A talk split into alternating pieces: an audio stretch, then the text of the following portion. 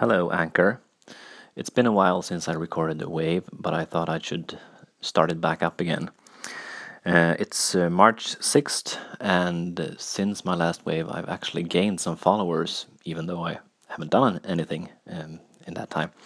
Anyway, I thought it would be a good time to introduce myself, since, as far as I know, I haven't done that yet. Um, my name is Henrik. Uh, I live in a town called called Falun in Sweden. So I'm not a native English speaker. Uh, I speak Swedish as my primary language.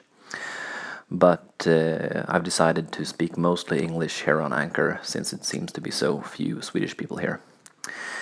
Uh, anyway, I have a one year old daughter, and right now I'm on paternity leave, so she's my main focus right now.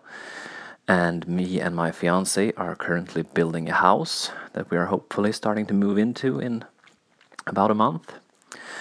Uh, I'm 30 years old. I work as a teacher in sound and music production at uh, Dalarna University College. And sound and music production and music uh, in general is one of my passions.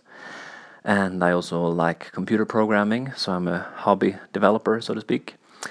And I like to read, even though I do it way too seldom. Uh, fiction, that is, reading fiction.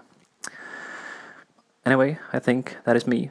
If you want to know anything more, please ask, and have a great day.